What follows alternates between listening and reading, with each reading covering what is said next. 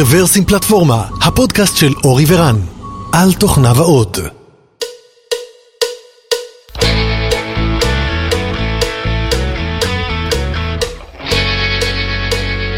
שלום רב וברוכים הבאים לפרק מספר 389 של רוורסים פלטפורמה, היום ה-18 במאי, במאי, כן, 2020, אנחנו עדיין ככה בקורונה למרות שמתחילים לחזור לשגרה, אנחנו חוזרים לשגרה. כן, שנייה, אני אשתעל. אוי אוי. זה כבר פעם הייתי אומר חזרתי מסין אבל היום זה כבר כל העולם, כן. אמ, כן, ולמעשה המון המון זמן לא הקלטנו פרק פנים אל פנים פה באולפן שלנו, אז אנחנו שמחים לחזור ולהקליט את הפרק הראשון שלנו מזה הרבה מאוד זמן עם רועי אושרוב, אז ברוך הבא רועי. שלום, ייי, וואו. איזה כיף להיות פה. הרבה הרבה מאוד זמן חיכינו לפרק הזה, קבענו ממש המון זמן מראש, נראה לי אפילו לפני שהתחיל כל הסיפור הזה של הקורונה. ממש לפני. והיו דחיות? או שלפרק הזה לא היו דחיות? היה, היה, כן, דחייה בקטנה. דחייה, אוקיי. שבוע. דחיית קורונה בקטנה של אה, שבוע שבועיים. אה, וכן, אז אה, אנחנו סוף סוף נפגשים שוב ומתחילים להקליט. והבאנו את רועי לדבר על נושא שממש ככה קרוב לליבנו, עוד דקה ניתן לך להציג את עצמך. אה, בעבר אני ואורי דיברנו הרבה מאוד על כל התחום של אה, אה, Continuous Deployment. continuously דיברנו על continuous כן, deployment. כן, כן. וזה באמת נושא שהיה קרוב לליבנו במשך תקופה מאוד מאוד ארוכה, ואני שמח שאנחנו שוב יכולים לבוא ולדבר על זה. אה, ופה ושם אני מניח שגם נדבר על עוד נושאים אחרים שככה באזור. אז אה, רועי, אני בטוח שחלק מהמאזינים מכירים אותך, אולי קרו דברים שכתבת, אולי היו במיטאפים שארגנת, ובכל אופן, בוא ספר לנו קצת על עצמך, ספר על הרקע שלך. בבקשה. שלום, שלום, איזה כיף להיות פה. אה, שמי רועי אושרוב, אה, מתכנת, אב לשלושה, שלושה בנים, יש לציין, נמרצים ומעצבנים בעולם הקורונה, אבל בקרוב חוזרים ללימודים, אמן כן יהיה רצון, טפו טפו טפו. אז אני אה, מתכנת אה, מזה וואי, קצת יותר מ-20 שנה, התחלתי ב Visual Basic ויצא לי לעבוד בעוד כמה שפות מאז. חברים, לפני 20 שנה זה כבר לא היה COBOL, אז מי שחושב לעצמו COBOL, לא, לא, לא, Visual Visual Basic זה. למתקדמים, כן. אני מדבר בשביל כסף, אנחנו לא מדברים עוד לפני זה, אבל אנחנו מדברים על תכנות בשביל, בצורה מקצועית, אז Visual Basic ואז C-Sharp ואז Java וקצת C++ ו Python ו Ruby. אה, בימים אלה נכנסתי חזק עמוק עמוק ל JavaScript. ההיסטוריה שלי קצת בארץ, אה, אה, עזרתי להקים את קבוצת Agile ישראל, ה user group הראשון לפני, וואו, לפני יותר מעשר שנים, שזה היה לדעתי הצלחה מסחררת לפני שאנשים, אני זוכר שהארכיטקטים במייקרוסופט עוד קצת צחקו על, ה, על המשוגע הזה עם כל האג'ל שלו וה-TDD שלו.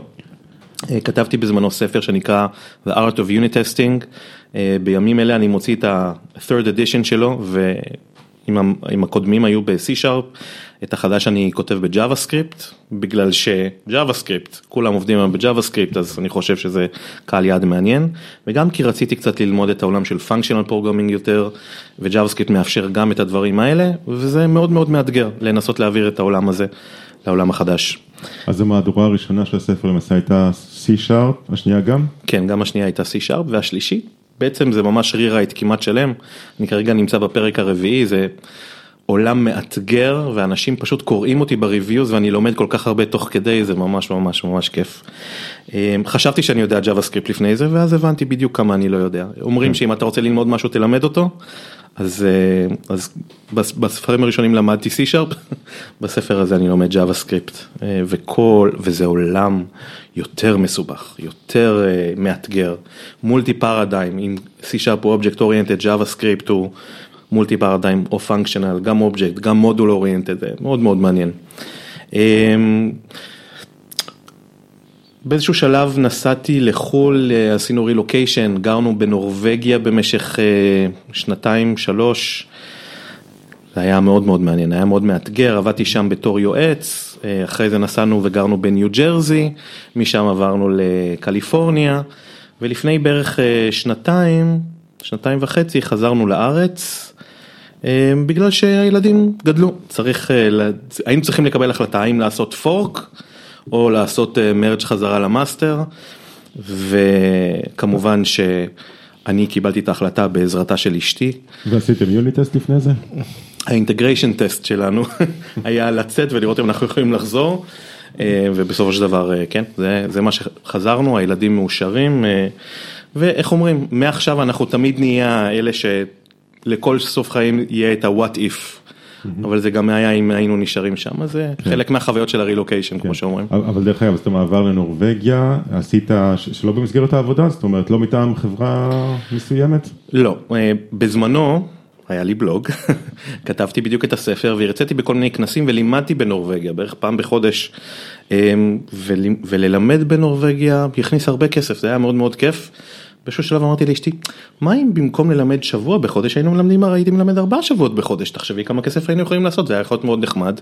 וגם נורבגיה, מקום מדהים, בואי נגור שם. אשתי אמרה, אתה משוגע, אתה משוגע, אבל בוא ננסה את הנושא הזה. טסנו לנורבגיה, זאת אומרת, פרסמתי בבלוג שלי שאני מחפש עבודה בנורבגיה, יצרו איתי כמה חברות, מצאנו את החברה הנכונה לעבוד בה. ואז הגענו לנורבגיה ואז הבנו שזאת הייתה טעות כלכלית מטורפת ושנורבגיה זה המקום השני הכי יקר בעולם. אה. ואז הגיע החורף. ואז הגיע החורף. בדיוק, אנחנו נחתנו בקיץ, ואז באמת הגיע החורף. אה, והיינו צריכים ללמוד איך לנהל שלושה ילדים בשלג שבדרך כלל הוא יותר גבוה מהילדים. זה היה מאוד מאוד נחמד, איך לקחת את הילדים לבית ספר, איך, אה, איך להלביש אותם, וכמובן הכל בלי עזרת הורים, בלי עזרת משפחה, זה כיף גדול. אני ממליץ בחום, יותר נכון בקור, אבל זה היה אתגר, אתגר שאני לא, שאני כל כך שמח שעשינו, כי למדנו כל כך הרבה על עצמנו בתור משפחה וגם גם על תרבות אחרת, כי שם עבדנו בעולם של, אה, אמנם גם שם עבדתי בהייטק, אבל אחד הדברים ש, שהבנתי זה ש, שפה בארץ, שאנחנו עובדים, בתור מתכנתים, בתור אנשים בהייטק, אנחנו עובדים בתרבות ישראלית. וכשאנחנו יוצאים מהארץ ואנחנו מנסים לעבוד עם אנשים עם תרבות אחרת, אנחנו הרבה פעמים צריכים אה, ללמוד חוקי התנהגות אחרים לגמרי. ולקח לי המון המון זמן ללמוד את חוקי ההתנהגות, את התרבות הסקנדינבית ואחרי זה את התרבות האמריקאית, את הפוליטיקה של איך לשכנע אנשים, איך, איך לא לשכנע אנשים, איך, איך להגיד לא בלי להגיד לא, והמון המון דברים מעניינים כאלה, אז uh, היה אתגר מעניין ואני מרגיש שלמדתי המון, אפילו בלי קשר לטכנולוגיה. יותר מאיך להגיד לא בלי להגיד לא, זה איך לשמוע לא. בדיוק. בלי שאומרים לך לא. אתה יודע מה, יש לי סיפור מצחיק רגע, אני יודע שאנחנו אמורים לדבר על continuous delivery, אבל uh, כשגרתי בארצות הברית היה לי מנהל אמריקאי, איך אומרים, עם הכפתור סגור עד החלק האחרון בחולצה. אמ, ויום אחד הוא עשה לי איזושהי שיחה, אמ, ואחרי רבע שעה של שיחה, שהרגשתי ממש טוב עם עצמי, הבנתי שהוא מנסה לתת לי פידבק שלילי, הבנתי שהוא מנסה להגיד לי שעשיתי משהו לא בסדר. אז אחרי בערך 20 דקות של השיחה, הייתי צריך לשאול אותו, רגע, אה, מייקל, אתה מנסה להגיד לי שעשיתי משהו לא בסדר? והתשובה שלו הייתה כמובן באמריקאית.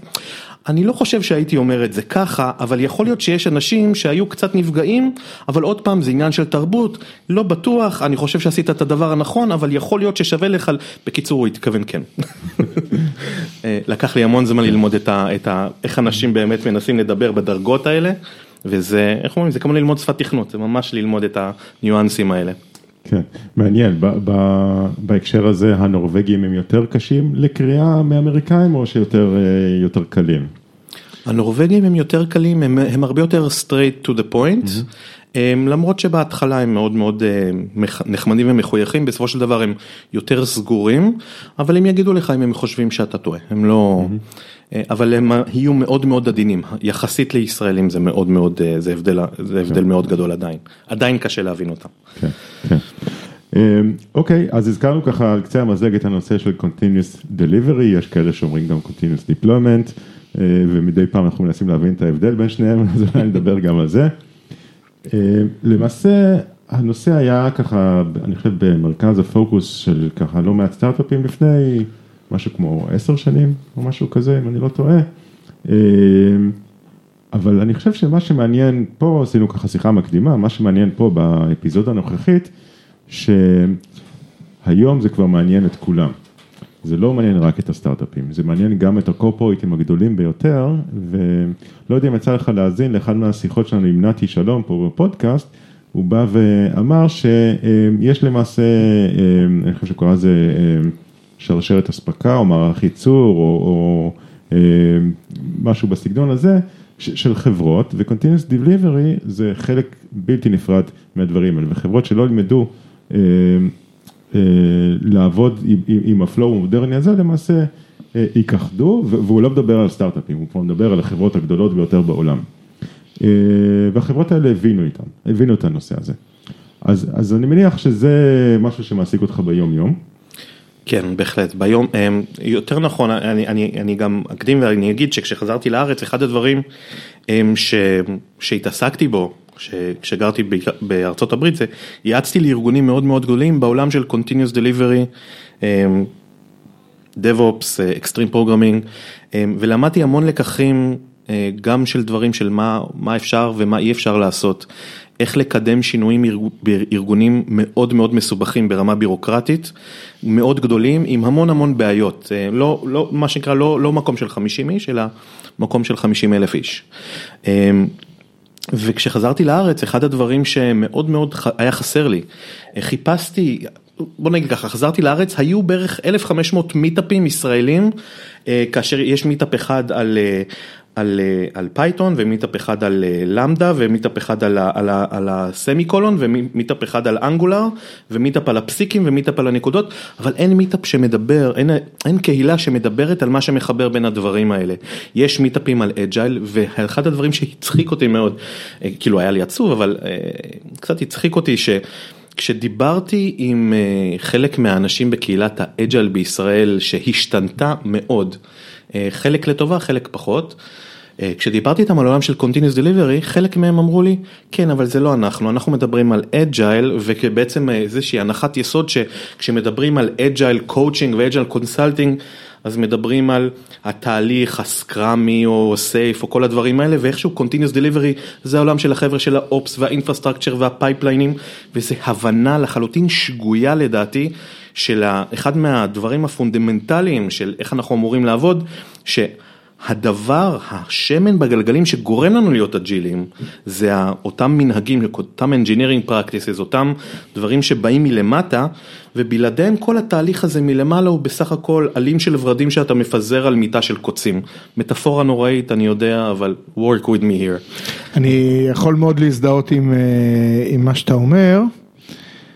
בכמה אספקטים וגם כי באיזשהו מקום practices, אה, אה, יכול להיות שגם עם כמות אה, חברות ה consulting שיש סביב זה, נוצר המון, המון באז וכולי מסביב לזה, כי זה, זה practices, אפשר ללמוד אותם, אפשר לבנות, אה, לתרגל אותם וכולי. כשמדברים על אה, DevOps, Continuous Delivery ודברים כאלה, זה כבר, אוקיי, פה צריך ליצור תרבות. זה לא רק אה, נעשה את הישיבה הזאת, נעשה את הישיבה הזאת, נתעד ככה או נתעד אחרת. זה עוד יותר קשה, אתה ממש צריך לשנות התנהגות של אנשים. כן, והתנהגות של אנשים, תרבות ותפיסת עולם של מה חשוב, של...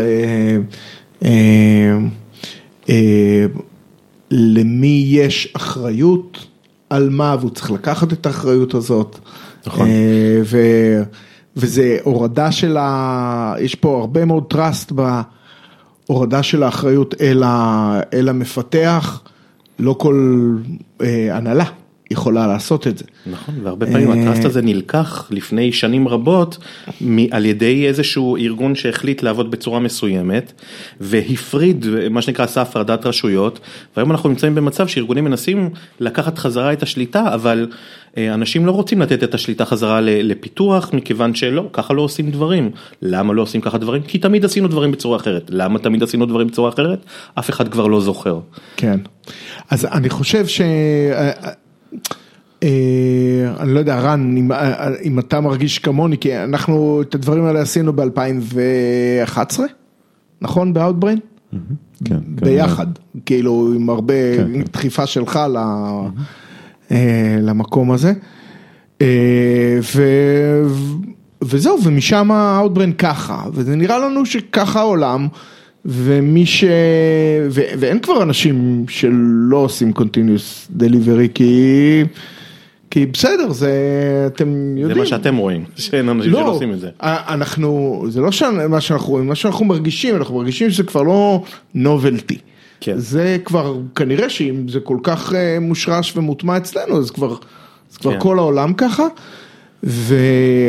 ואנחנו מופתעים לראות כמה לא, כמה זה לא ככה. כן, אני חושב שזה סוג של, אתם חיים בבועה, בועה מאוד טובה, שבה אולי אתם נמצאים אולי כמה, כמה שנים קדימה מהרבה ארגונים, אבל המון ארגונים שאני עובד איתם, ואולי אין ספק שיש פה bias, כי בדרך כלל קוראים למישהו כמוני, כשארגון לא מצליח בדברים האלה, לא כשהוא כן מצליח, אז מן הסתם זה הארגונים שאני אראה, אז קוראים לי כשיש אה, מקומות שבהם רוצים לעשות, אה, לכתוב יוניט טסטים טובים, ויש יוניט טסטים ממש גרועים או שחסרים, או שרוצים לנסות לעשות שינוי בתהליך של continuous delivery, והתהליך הוא לחלוטין אה, לוקח חודשים ויש המון handoff ים ו bottlenecks באמצע. אז אלה החברות שאני רואה, ומה שאני רואה זה שזה קיים בהמון חברות כמעט בלי קשר לתעשייה שבה, שבה אנחנו נמצאים. והבעיות, ה pattern ים שאני רואה, או ה anti pattern ים שאני רואה, הם כמעט תמיד קשורים לאנשים, הם אף פעם לא טכנולוגיים. הטכנולוגיה זה בעצם החלק הכי פשוט, ללמוד Kubernetes זה לא הבעיה שלנו, כמו שאומרים, זה, זה, זה ללמוד להרים סביבה זה לא הבעיה. deployment היה הרבה לפני Kubernetes. Continuous deployment, continuous integration, אה, בוא נתחיל ככה, extreme programming, extreme programming שזה בעצם ה, ה, לדעתי הנושא שפעם היה והיום אני חושב שהוא אה, עומד לקבל חזרה ובגדול זה, אה, זה בעצם מתודולוגיה שהתחילה לדעתי באזור 96 והבן אדם שהביא אותה לעולם, אה, לפחות מהזווית ראייה שלי זה Kent Beck. הוא כתב ספר שנקרא Extreme Programming Explained, הוא כתב ספר שנקרא TDD by Example, שני ספרים שאני קראתי אז בזמנו ולמדתי מהם המון המון. אמ, והתחיל את העולם הזה ו extreme programming או XP מדבר על כל מיני practices ואחד מהם היה continuous integration, אחד מה practices האלה הוא test driven development, pair programming, המון דברים שאנחנו, refactoring, אה, shared code ownership, המון דברים שאנחנו, היום אנחנו רואים אנשים מנסים לממש, הם באים מהעולם הזה ו- וכשאני חושב על ה... כש, כש, כשאתה אומר נכון הדברים האלה הם לא חדשים אני מסכים איתך הם לא חדשים. אבל להמון ארגונים הם חדשים בגלל שאותם ארגונים התחילו את הלמידה שלהם אחרי באותו timeline שבו Scrum ניצח ו SAFe ניצח ואז מדברים אך ורק על התהליכים החיצוניים שקיימים מעבר לרמת ה engineering של הצוות ואומרים יש איטרציות, יש את הדברים האלה, אפילו Kanban ברמה כזאת או אחרת, אבל אף אחד לא מדבר על מה קורה כדי לגרום לדברים האלה לקרות. Continuous Deployment עכשיו התחיל לקבל איזושהי, איזושהי במה מכיוון שיש הבנה שבלי הדברים האלה אנחנו לא יכולים בלי הדברים ש- שלמטה אנחנו לא יכולים לקבל את הדברים שלמעלה. אמ, לצורך העניין בלי יוניט טסטים או TDD.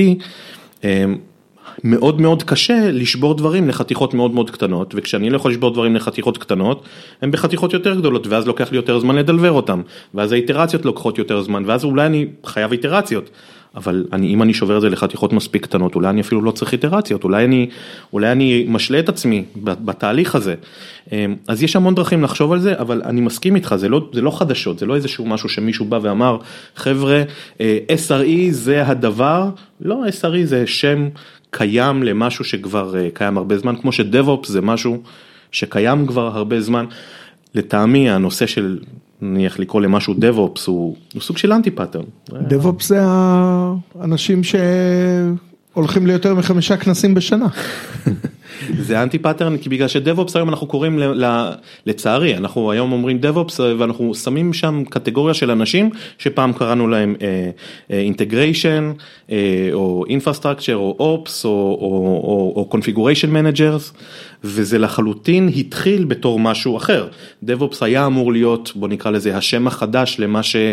agile ניסה להיות, בוא נקרא לזה ככה, והיום אה, לחלוטין ארגונים ו coach ים ו consultants לקחו את זה לאיזשהו עולם שבו, זה, שבו היום יש לי אנשי DevOps, וברגע שיש לך אנשי DevOps, איך אומרים, כבר התחלת להפסיד, כן. כי, כי כבר ההפרדת רשויות מתחילה כבר בשם, אני איש DevOps ואתה לא, אז אני עובד על ה pipeline ואתה לא, כבר התחלת להפסיד מה שנקרא. אני חושב שיש משהו שאני זוכר מה, מההתחלה. אה, אתה היית גם שותף של, שותף פעיל לדבר הזה, אבל אני לא יודע אם אתה זוכר, אה, אה, כשהחלטנו שהולכים על זה, אז, אז אה, איתי ואני כאילו כינסנו את כולם, אמרנו, אוקיי, חבר'ה, הת... הנה התאריך, לא זוכר מה זה היה, 20 ומשהו לאוקטובר, זה התאריך שבו יוצאת הגרסה האחרונה של Outbrain. אה, אז ככה אנשים הרימו את ה... זה, ואמרנו להם, לא הולכות להיות יותר גרסאות. הם כבר הכירו יותר את Continuous Deployment, אז דיברנו עם ישי וכולי, אה, אבל השאלה הראשונה הייתה, אוקיי, אבל צריך בשביל זה כלים. כאילו, מה, אין, אין לנו כלים, איך נעשה את הדבר הזה?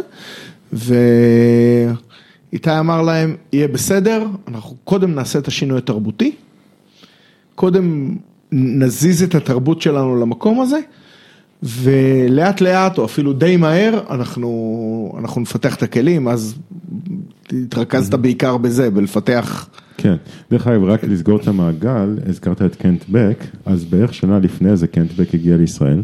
נכון. ונתן הרצאה, פעם ראשונה שאפילו לא ידעתי מי זה. אמרו לי, תבוא תבוא, זה בן אדם טוב, תקשיב.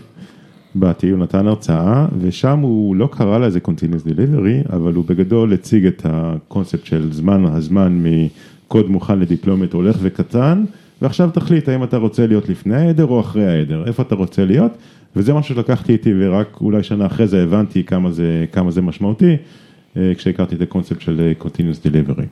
אז בוא נחזור רגע לסיפור שלך, אתה אומר חזרת לישראל ואמרת אוקיי, יש יועצי agile, אבל משהו חורה לך, הם לא מקשרים בין הקונספט של agility לבין Continuous Delivery לבין אה, DevOps או Extreme Programming, או איך כן, שנקרא לזה, כן. קמת ועשית מעשה. הם לא מקשרים בין agile ל agility. אה, אני, בוא נגיד ככה, כשאתה מערבב קפה ואז אתה שותה אותו, נשאר לך את הדברים האלה למטה, או המוץ מהתבן תקרא לזה, השאירו את הדברים, אה, חלק מהדברים, אבל המהות אה, יצאה משם. לדעתי, אה אוקיי, אז המעשה, המעשה הוא להקים איזושהי, איזשהו מיטאפ חדש שנקרא אה, CDXP ישראל, או אה, זה התחיל בתור CD ישראל, Continuous Delivery ישראל, אה, אחרי זה שיניתי את זה ל-Continuous Delivery ו-XP ישראל, כי הבנתי שהדברים האלה מחוברים, מחוברים joined in the hip, at the hip, ו... אה, חיפשתי את אותה קהילה שבה אנחנו יכולים לדבר על הניסיון שלנו לשנות, לעשות טרנספורמציה לעולם הזה, כאשר ההבנה שלי היא שכשאני מנסה להיות agile, כשה, כשהמהות שלי של להיות agile, זה בעצם הניסיון להשיג את אותה תרבות של Continuous Delivery בארגון. לדעת, היום אני, ככה אני בעצם אה, מתחיל למדוד agility של ארגון. אה, כאשר אני ספציפית מדבר על עולם התוכנה, כי זה העולם שאני מכיר. אה, אני חושב שיש ארגונים, אה, סוגים אחרים של ארגונים שאפשר למדוד agility בצורה אחרת, אבל בעולם התוכנה, Continuous Delivery לדעתי, הוא, הוא מייצג את היכולת שלנו להיות אג'ילים, והוא סוג של מדד מסוים, והמון דברים נגזרים מזה. זאת אומרת, אם אני מתחיל דווקא מהלמטה ולא מהלמעלה, אני יכול לקבל סט של תוצאות לדעתי הרבה יותר אפקטיביות. אז הקהילה הזאת הוקמה, עשינו כבר חמישה או שישה מיטאפים, כמובן שהכל נעצר בגלל הקורונה, אבל אנחנו נמשיך עם הנושא הזה. אה, התחילו להרצות שם אנשים מאוד מאוד מעניינים אה, אה, וכל אחד מהם, נגיד גיל תייר ועוד כמה חבר'ה טובים, וכל אחד מהם מביא את הניסיון שלו מהארגון שלו, כאשר המטרה של ההרצאות האלה הם או לדבר על איך נראה יום בחיי פיתוח אצלנו, מהרגע שקוד מגיע, ל- אה, שאני צריך לעבוד על משהו ועד שהדבר הזה נמצא ב production, כולל איזה pipelineים יש ואיך אנחנו עובדים ביחד, אה, לבין אה, שיחות של אה, איזה engineering practices אני חייב לעשות כדי שהדברים האלה יקרו, אם זה refactoring וה TDD וכל הדברים שבדרך, אה, אבל השיחה הרבה פעמים מתמקדת דווקא על הדברים שהם ביניהם, על האנשים. אז היו לנו דברים כמו איך לשכנע, אה, איך, אה, איך, אה, איזה מטריקות מאוד מאוד חשובות, איזה מטריקות יכולות להרוס את הניסיון שלך אה, להשיג Continuous Delivery ו-Continuous Deployment, ואיזה מטריקות יכולות לעזור לך. אה, אה, המון המון שיחות כאלה שקצת לא נופלות באף, באף דלי אחר שהיו חסרות, והיום יש לי את המקום הזה שהוא מה שנקרא ה-safe place, שבו אני יכול להעלות את הדברים האלה, ואנחנו תמיד, כל מי ששומע את זה, אנחנו תמיד מחפשים אנשים שיבואו וירצו וילמדו ויחלקו. גם כישלונות וגם הצלחות, כי כולנו באיזשהו תהליך. אה, כולנו נמצאים בתהליך מתמיד ויש דברים שהצליחו לנו ודברים שלא הצליחו ודברים שאנחנו רוצים עזרה מאנשים אחרים וככל שאנחנו נחלוק יותר את הנושא הזה אמ, אנחנו, אנחנו נדע יותר, ולחלוטין אנחנו לא מדברים על איך אני מקנפג את Kubernetes כדי לעבוד XYZ. זה לחלוטין לא השיחות שם, אלא שיחות ברמה קצת יותר גבוהה, כי Kubernetes יש 17 מיטאפים, לך תלמד את זה, תקרא את הדוקומנטציה, זאת בעיה פתורה. הבעיה הלא פתורה היא הבעיה של אנשים שצריכים לעבוד ביחד, אם זה אה, אה, QA בהרבה ארגונים שעדיין קיים בצורה כזאת או אחרת, אה, פיתוח ועוד ועוד הרבה קטגוריות. אתה אומר את זה כפרקטיס טוב או פרקטיס לא טוב? מה? ש-QA קיים. אני אומר את זה כנקודת, כמצב. אני אומר את זה כמצב נתון.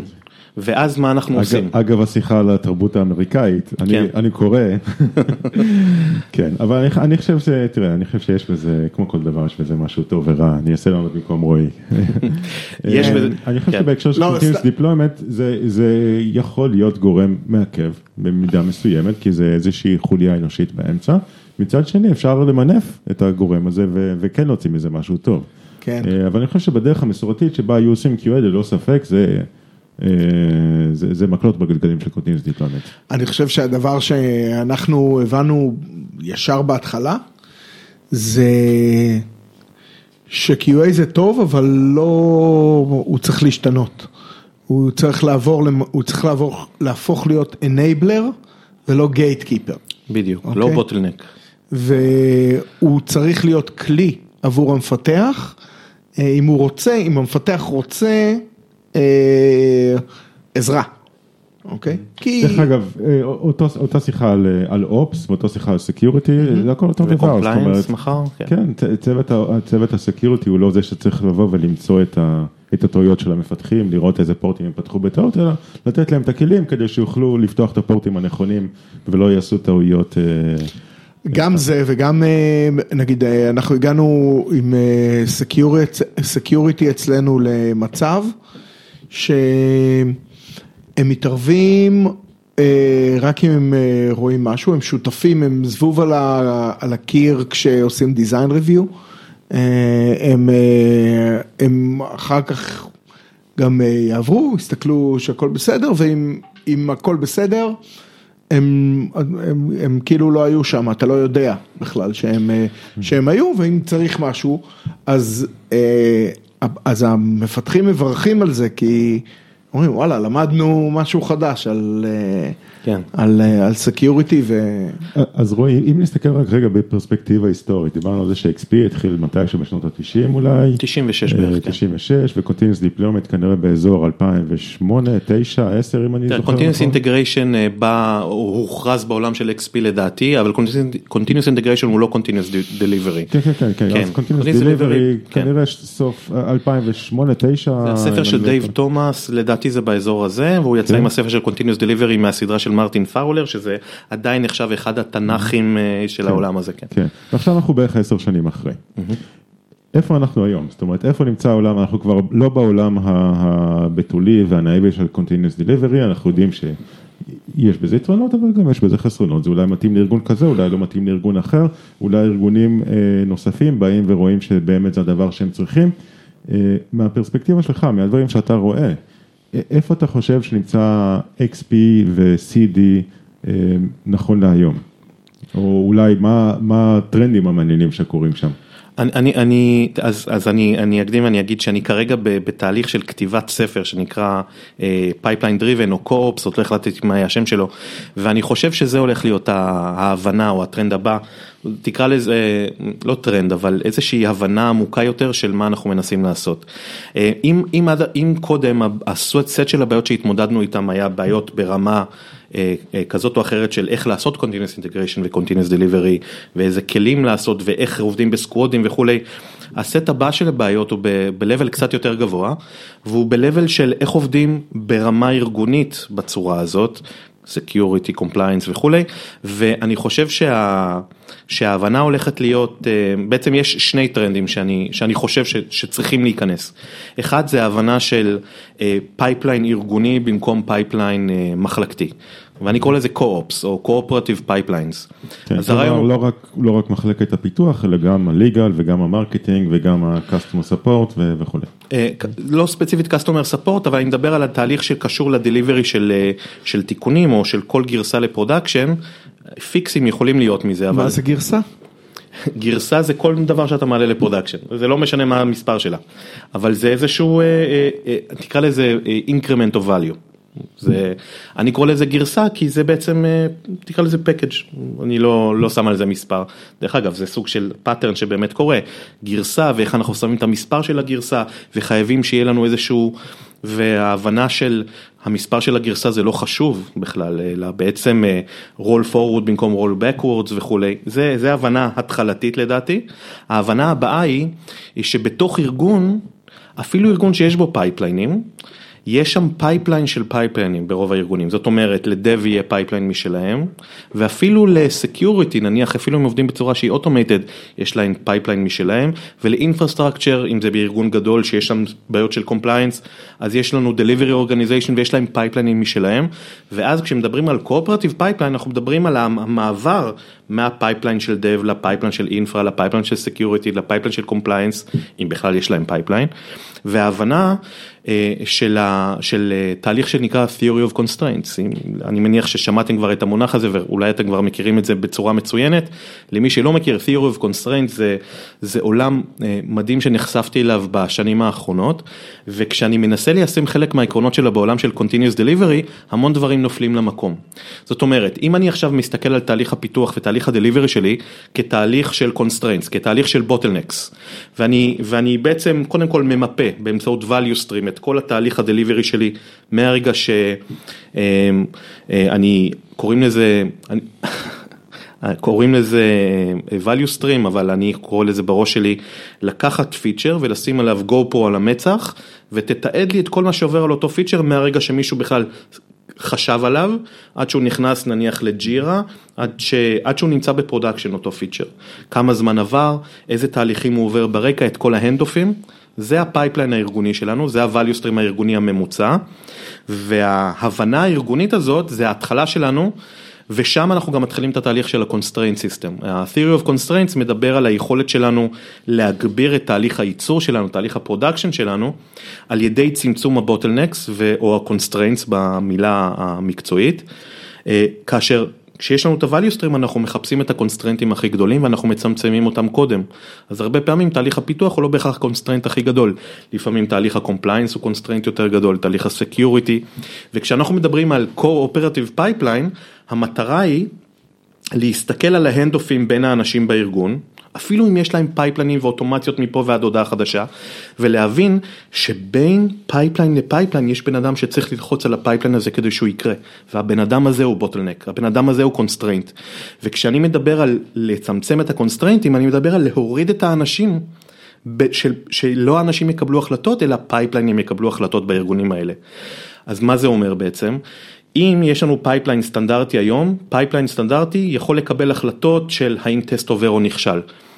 אבל איש security מקבל החלטות האם המוצר הוא secure או לא. אבל אם הייתי יכול ללמד את ה pipeline לקבל החלטות, וה pipeline יגיד לי אם המוצר הוא secure או לא, pipeline אוטומטי, אז כשה pipeline ירוק אני יכול לשחרר גרסה, או upgrade, או מה שאנחנו לא נקרא לזה. אבל אני לא אצטרך לחכות לבן אדם שיגיד לי שהכל בסדר.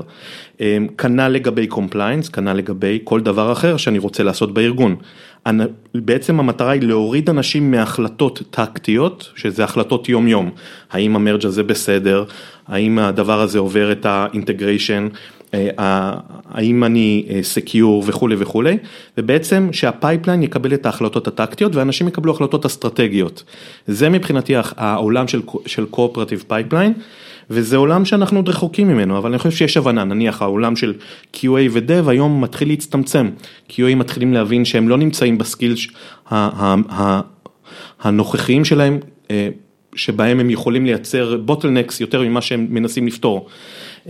security אני חושב מתחילים להבין את העולם הזה, מתחילים להבין ש security ו automation זה לא מילה גסה, בעצם security יש להם כבר automation, הם פשוט לא מחוברים ל pipeline שכולנו מחוברים אליו, compliance עוד לא נמצאים שם, אני חושב שאלה השלושה הגדולים, אמ, ובעולם, ב vision של בוא נניח עוד חמש שנים, אני חושב שאנחנו ניתקל יותר ויותר בארגונים כמו נטפליקס ואמזון וכולי, שכבר הצליחו ליישם את אותם pipelines, אה, אולי גם וויקס במקרה הזה. כשאנחנו מדברים על קוד שעובר pipeline ומגיע ל production, אז אותו קוד הוא כבר definition of done, הוא כבר עבר את כל אותם levels of security ו-compliance אם צריך. כן. אני סליחה, אני חושב שמה ש... לא, אני חושב שמה שמעניין במה שאתה אומר, זה שאם בעבר Continuous Delivery היה סוג של אה, נחלתם של הקטנים, נחלתם של הזריזים, נחלתם של הסטארט-אפים, דווקא ה-Cooperative Pipelines לא כל כך מעניין את הקטנים. כי בקטנים זה זורם, זאת אומרת אין כל כך הרבה עבודה בחברה של עשרה או חמישים אנשים, אה, זה יחסית זורם, הדברים עוברים מאחד לשני, אין כל כך הרבה צווארי בקבוק, ואם כבר יש, די קל למצוא אותם. בחברה של אלף איש, לפעמים מאוד קשה למצוא את צוואר הבקבוק הזה, כן. אה, ושם ה pipelines הם באמת הרבה יותר משמעותיים. אני, אני רוצה להגיד כאילו, אולי למי ששומע אותי ואין לו, אין לו continuous deployment, אבל גם להתייחס, כאילו fast forward עשר שנים, כי אנחנו עשר שנים כבר בתוך, ה, בתוך הדבר הזה, והפייפליינים זורמים והם אוטומטיים, והאחריות היא לגמרי אצל המפתח וההחלטות הן שלו, ו... אה, זה לחלוטין אה, אה, במקום הזה, ו, וזה זורם, וה-definition of done הוא כשהקוד ב... הקוד ב... ירוק. ב production והוא ירוק, אחרי טסטים ואחרי immune system שבודק אותו גם ב production. הכל סבבה, ואז בשנתיים או שלוש, בשנתיים או שלוש האחרונות, אני מתעסק במה השלב הבא, אוקיי? והבעיה שמאוד מעניינת אותי בשנתיים האחרונות זה קוד ב production זה לא definition of done, אוקיי? definition of done זה יצר את ה impact, יצר את ה impact בשוק, ה-KPI שרצית עלה. אוקיי? זה definition of done. אוקיי. וזה מבחינתי השלב הבא באבולוציה. ופה יש קצת, זה, זה קצת מקום שהוא גם פחות נוח למפתחים או לאנשים בטכנולוגיים, כי זה כבר לא טכנולוגיה. כי זה שיחה עם לקוח, כי זה training, כי זה דברים שאתה צריך לדעת ולעשות. להגיד למפתח, אוקיי, מעולה, אתה כבר יודע, השלב הראשון שלנו היה, קח אחריות על הקוד שלך, דחוף אותו, תגיע איתו ל production. בסדר? כל הטסטים וכולי וכולי, קח אחריות על, ה, על איכות הקוד שלך. סבבה, רצנו עם זה כמה שנים, הבנו שזה ה... ואז אמרנו, קח אחריות גם עליו כשהוא ב production, וכשדברים קורים וצריך אה, לטפל בו כשהוא ב production, גם זה יהיה אחריות שלך. זה ה-you build it, you run it. you build it, you run it, זה היה מבחינתנו... כן, זה כבר לפני כמה שנים. You better get כן. you fix it. כן, זה היה מבחינתנו השלב השני. ולאחרונה כשהתחלתי להתעסק עם הדבר הזה, אה, יצא לי לדבר עם, אה, עם איש יקר, יובל סאמט מ RiseUp. והוא עשה לי framing ככה, הוא אמר, זה מה שאתה רוצה, כאילו אתה לימדת אותם, לקחתם אותם, לקבל אחריות על הקוד שלהם, אחר כך לקבל אחריות על, ה, על הסביבת production עכשיו, עכשיו אתה רוצה לקחת אותם ולהגיד להם, יש לכם גם אחריות על ה impact, אוקיי? על ה impact הביזנסי של הקוד שלכם. וזה מה שאני רוצה להשלים, אני רוצה להשלים את ה-chain of value הזה. מדליק, אה, ממש ממש מדליק. זה, זה מחבר אותי לאיזושהי מחשבה שאני רואה הרבה ארגונים עכשיו, בעצם השיחה החדשה שמתחילה היום זה KPI ומטריקות, כי מן הסתם אנחנו מבינים שאנשים זה מה שמזיז את הדברים האלה, ומטריקות ו-KPI זה הדבר שמזיז אנשים. יש ספר, אני לא יודע אם קראת אותו, אבל זה, אני ממליץ עליו בחום, שנקרא How to measure anything, והספר הזה בין השאר מדבר על אה, איך אתה מודד כל דבר שמעניין אותך, והיום יש את העולם של OKRים וכולי, אה, אבל אני חושב שזה הכל חלק מאותה תזוזה לדבר הזה שבא ואומר, מה אני בעצם מודד, כש, כשאני מנסה לשנות משהו, מה אני מנסה לשנות ואיך אני יודע שהצלחתי לשנות את זה. וזה יכול להיות באמת ברמת הצוות, אבל כשאתה מדבר על אימפקט של מוצר, יש בחור בשם, אני לא זוכר מה השם שלו, אני יכול למצוא את זה אחרי זה, והוא גם עושה הרצאות על איך אתה, how to quantify anything, והוא בעצם בא ואומר, איך הצלחת לעשות את המוצר, איך אתה יודע שהיוזר שלך הם happy או כל דבר אחר, והוא אומר, איך אתה, how do you quantify love לצורך העניין, איזה, איזה, איזה A-B טסט אתה יכול לעשות כדי, כדי לראות שמישהו אוהב את המוצר, והוא נותן דוגמאות שבסופו של דבר אתה חייב למצוא איזשהו מספר ש, שמשקף התנהגות מסוימת ומשקף אימפקט, אבל אתה חייב לשים על זה איזשהו מספר, והמספר הזה יכול להיות כמות הלחיצות על כפתור מסוים, או כמות ה-revenue שנכנס באקסל מסוים אחרי תהליך. אני מסכים איתך לחלוטין שה, שבעולם האג'ילי האמיתי, ה vision האמיתי הוא ש... אני לא רק עובד על דברים בצורה נכונה, אלא אני עובד על הדברים הנכונים, ואז ה impact שלי הוא באמת הרבה יותר גבוה. אני חושב שרוב התעשייה באמת עדיין לא שם. אני חושב שרוב התעשייה אפילו לא יודעים את ה metric, לא מכירים ולא חושבים על המטריקות הבסיסיות ברמה אפילו הרבה יותר נמוכה. המון אנשים עדיין מודדים פרודוקטיביות של צוותים לפי דברים שהיום אנחנו יודעים שהם אנטי פאטרנים מובהקים. למדוד coverage של, של קוד היום הוא anti pattern, כי זה מייצר בדיוק את ההתנהגות ההפוכה, זה לא מייצר quality, זה מייצר coverage. ואנשים יכולים לרמות את הדבר הזה, וזה נכנס לאיזושהי הרצאה שעשיתי בזמנו שנקראת, אה, אה, וואו, אה, lies, damn lies and metrics. ובעצם זה אומר ש, שהשקרים הכי בוטים שאנחנו מספרים לעצמנו זה באמצעות מטריקות, כמובן זה מדבר על סטטיסטיקות, אבל, אבל המטריקות שאנחנו מספרים לעצמנו להנהלה ולכל דבר אחר, זה דברים שגורמים לנו להיראות מצוין, אבל deep down אנחנו יודעים בדיוק כמה המון מהדברים האלה הם bullshit, ו coverage הוא אחד מהם, ואחד הדברים, וההפרדה שאני רואה בין מטריקות כאלה שבאמת מביאות impact, למטריקות שהן יכולות להיות הרבה פעמים bullshit, זה בעצם דבר שנקרא leading ו-lagging indicators, אני מניח חלק מהמאזינים מכירים את המושגים, אבל למי שלא מכיר, leading indicator זה דברים שקורים ביום יום שמשפיעים על העתיד, שאנחנו חושבים שישפיעו. ו lagging indicator זה דברים שכבר קרו ואנחנו מודדים אותם בדיעבד. נניח אם אני עכשיו מנסה להוריד משקל, אז leading indicator יכול להיות כמות הקלוריות שאני מכניס, כמות הזמן שאני רץ ביום וכולי וכולי, אבל זה לא בהכרח אומר שאני אוריד במשקל. ה lagging indicator זה המשקל שלי, מאוד מאוד קל למדוד את זה, אבל יש אלף גורמים שישפיעו על המשקל, זה ה impact האמיתי. וכשאנחנו מדברים על Software Development, אנחנו הרבה פעמים מודדים leading indicators ומתייחסים אליהם כלגינג, אנחנו באים להנהלה ואומרים, תסתכל כמה טסטים יש לי. אני לא רוצה לחשוב על עכשיו במעבר שכולם עשו מעבר לעבודה מהבית, כמה חברות הסתכלו על כמות השורות קוד הנכתבות. כדי להבין, כדי לקחת מזה מטריקה לפרודקטיביטי. צ'רן אתה מתכוון, כאילו כמה קוד השתנה.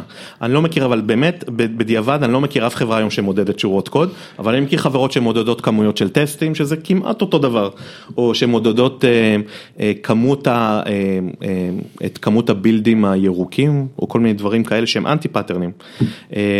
אז כן, מטריקות זה, בסופו של דבר זה ה-human behavior שלנו.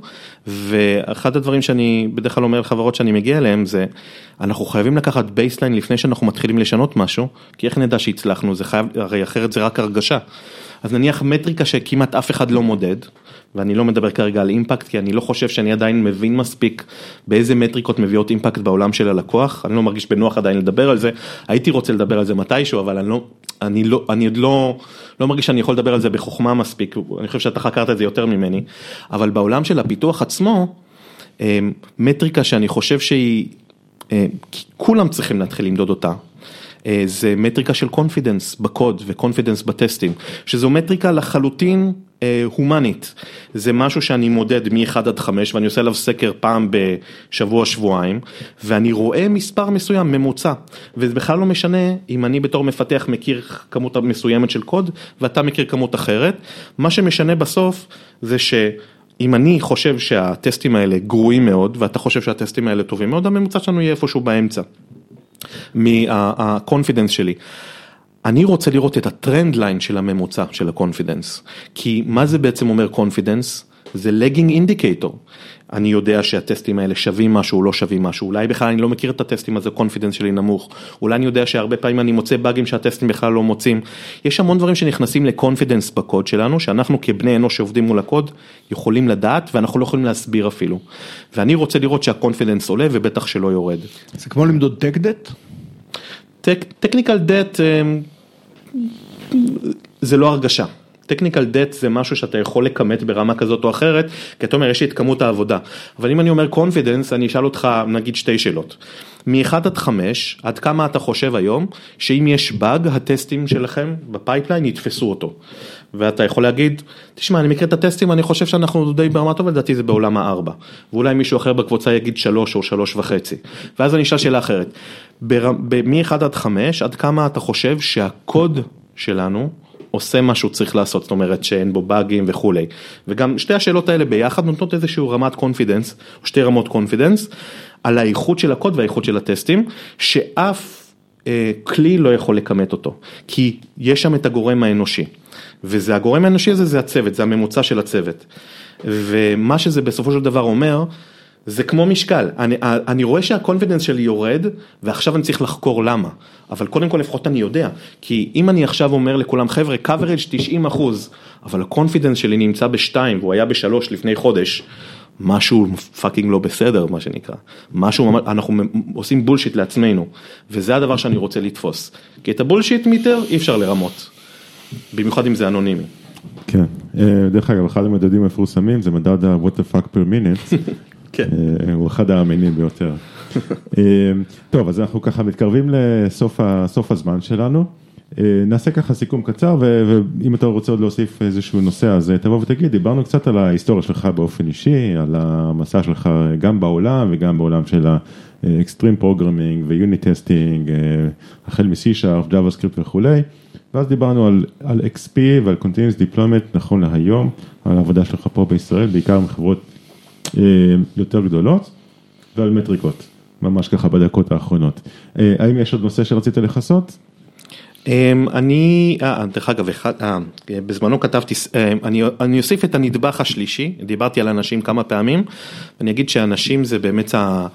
אני חושב שכדי להצליח בעולם הזה היום, ההבנה מעבר ל-continuous delivery זה שכדי להשתנות, אנחנו חייבים להבין איך אנשים עובדים, אנחנו חייבים להבין איך, איך, איך פסיכולוגיה ברמה כזאת או אחרת. אמ, בזמנו אה, כתבתי ספר שנקרא Elastic Leadership שמדבר על איך אנחנו משנים התנהגויות, איך אנחנו מובילים קבוצות טכנולוגיות. אמ, יש קבוצה, יש מיטאפ אה, שאני עוזר לנהל אותו שנקרא אה, R&D Leaders או rndil.com למי שמעוניין. אמ, ושם אנחנו מדברים הרבה פעמים על הבעיות של, של leadership, זה לא ספציפית על continuous delivery, זה ספציפית על איך אני מוביל אנשים ואיך אני אה, בעצם, הדילמות שלי, אם זה על hiring או על firing או, אה, או על איך אני, מה אני עושה במצבים כאלה או אחרים, אז אני מזמין את מי שזה מעניין אותו או אותה אה, לבוא ולהצטרף אלינו, זה, זה פורום מאוד מאוד מעניין. והוא ספציפית נמצאים שם רק אנשים שהם אקטיבית מובילים אנשים אחרים. זה, זהו. מאה אחוז, אז אנחנו גם נשים קישור למיטאפים שבהם אתה מעורב, אה, לספרים שהזכרת, לא שאתה כותב הרבה ספרים. כן, תמיד יש לי שניים שלושה פרויקטים במקביל שאני מריץ.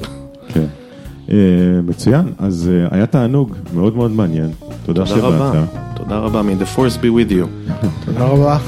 תודה, ולהתראות. ביי ביי.